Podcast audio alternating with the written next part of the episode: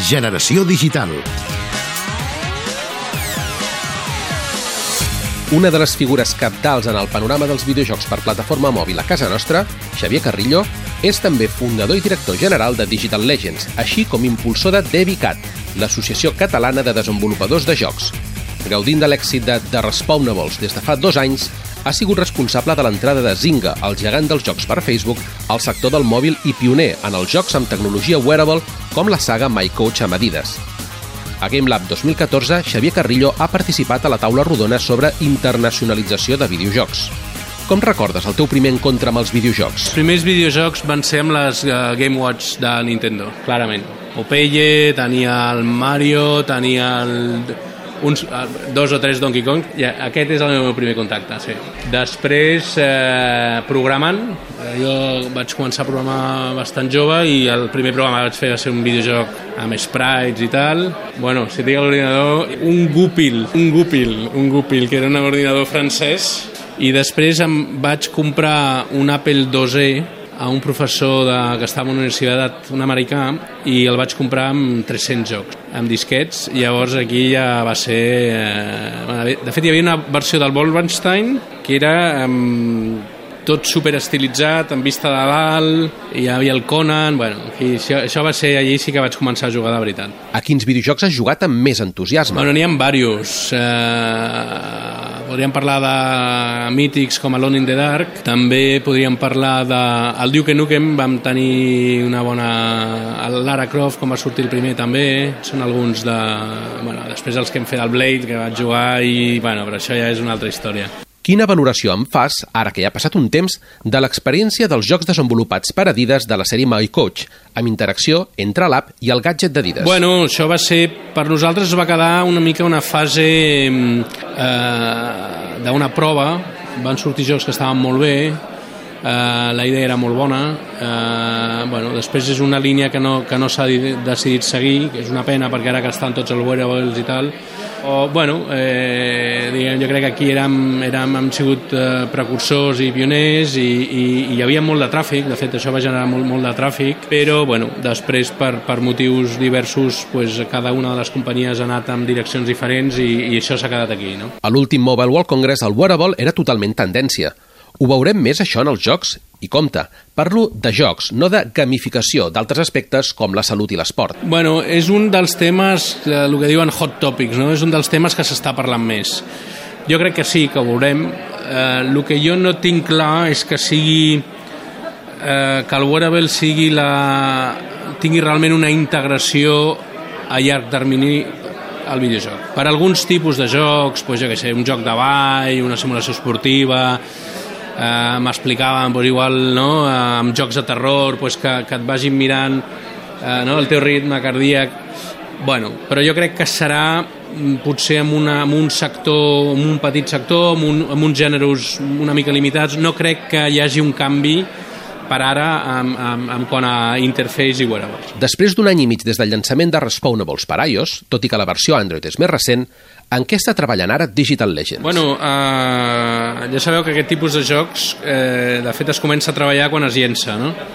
Llavors tenim la meitat de l'equip treballant a Respawnables, estem molt contents, hem, fet, eh, hem passat els 14 milions de, de descàrregues i tenim al dia unes 200.000 persones que, que juguen cada dia eh, que no sé si deu ser com Mataró, no? més o menys, una cosa així. No? Cada dia, durant un any i mig, estem molt contents. Hi ha una comunitat molt forta de gent, hi ha molta gent que ens demana més contingut, llavors estem, bueno, tenim el mateix equip i estem donant contingut, ara hem tret pel, pel Mundial, hem tret, eh, bueno, hem fet una broma amb les camisetes dels diferents equips, eh, bueno, és un joc que, que, que està molt actiu i que estem fent quantitat de coses, traurem estem preparant un update eh, molt divertit eh, amb col·laboració amb alguna IP molt coneguda per, per eh, setembre. Fem algú molt interessant al setembre, que molt, molt divertit. I eh, després tenim l'altra la, meitat de l'equip treballant en un producte nou, eh, que serà un producte més realista, plataforma, sí, nosaltres, el, el, món, el món és plataforma mòbil. O sigui, mòbil que vol dir tableta, ta, mòbil, televisió. A la xerrada d'ahir sobre el futur del joc mòbil comentaves tindrem 4K abans als mòbils que les consoles.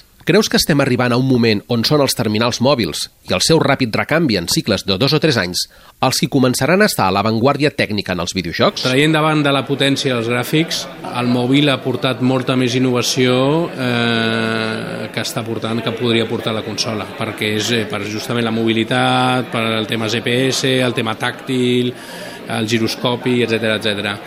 Eh, si és veritat, comentàvem ahir que nosaltres veiem mm, i comentàvem que la, a l'última keynote d'Apple es va ensenyar eh, jocs fet amb Meta, que és la seva nova API, que clarament la diferència entre un joc mòbil i un joc de consola s'estan fent molt petita. No? Creus que en algun punt del futur proper, coses com el cloud gaming, sistemes com OnLive o el Gaikai de Sony, faran els videojocs totalment plataforma independents? Bueno, a veure, nosaltres la nostra postura sobre el cloud gaming, nosaltres creiem que nosaltres creiem que el, el futur és, és mòbil, quan dic mòbil és arquitectura mòbil i PC.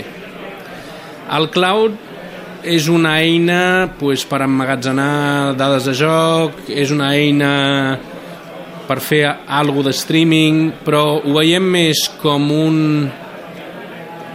com dir-ho, com un parche temporal per les consoles, és a dir, en la hipòtesi que el mercat de consola va menguant, que la gent deixa de comprar consoles per tema de preu, no? eh, és un possible substitut. I, bueno, la gent ja no comprarà consoles perquè són massa cares i perquè ja té un mòbil a casa o, o té una televisió amb, no, amb, amb, amb Android natiu o amb iOS natiu, amb el que sigui natiu, llavors el que et fem és t'oferim el cloud eh, que no has de comprar la consola i només. Però jo crec que això és, és, és transitori. És a dir, nosaltres, és opinió personal no, no veiem un futur amb el, amb el tema cloud. I amb el que dius una cosa és que tu la consola eh, el joc s'ha d'adaptar a, l'interfície d'usuari.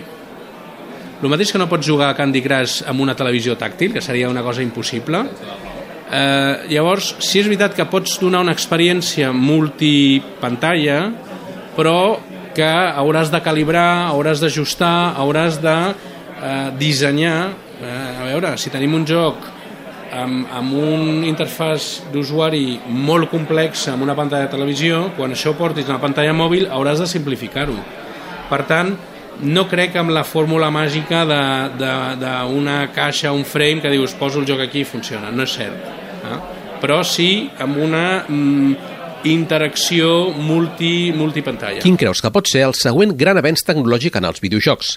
Sistemes immersius com les Oculus Rift, la resolució 4K, nous sistemes de control... A veure, nosaltres no creiem molt en, en totes les tecnologies tipus Oculus Rift perquè quan un vol jugar, un al final el que es vol és desconnectar i el fet de haver de posar-te un casco, de controlar amb el casco, ho veiem que encara, encara necessita molta evolució.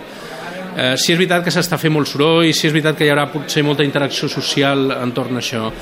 A nivell de mòbils el que veurem jo crec és que amb, amb aquesta desvinculació del mòbil amb la plataforma física el teu contingut seguirà estiguis on estiguis. Per tant, la teva interacció amb el joc eh, no la limitaràs a unes hores a casa o, o, o, o al metro, sinó tindràs una interacció molt més rica, molt més constant eh, i molt més connectada. Moltes gràcies, Xavier Carrillo.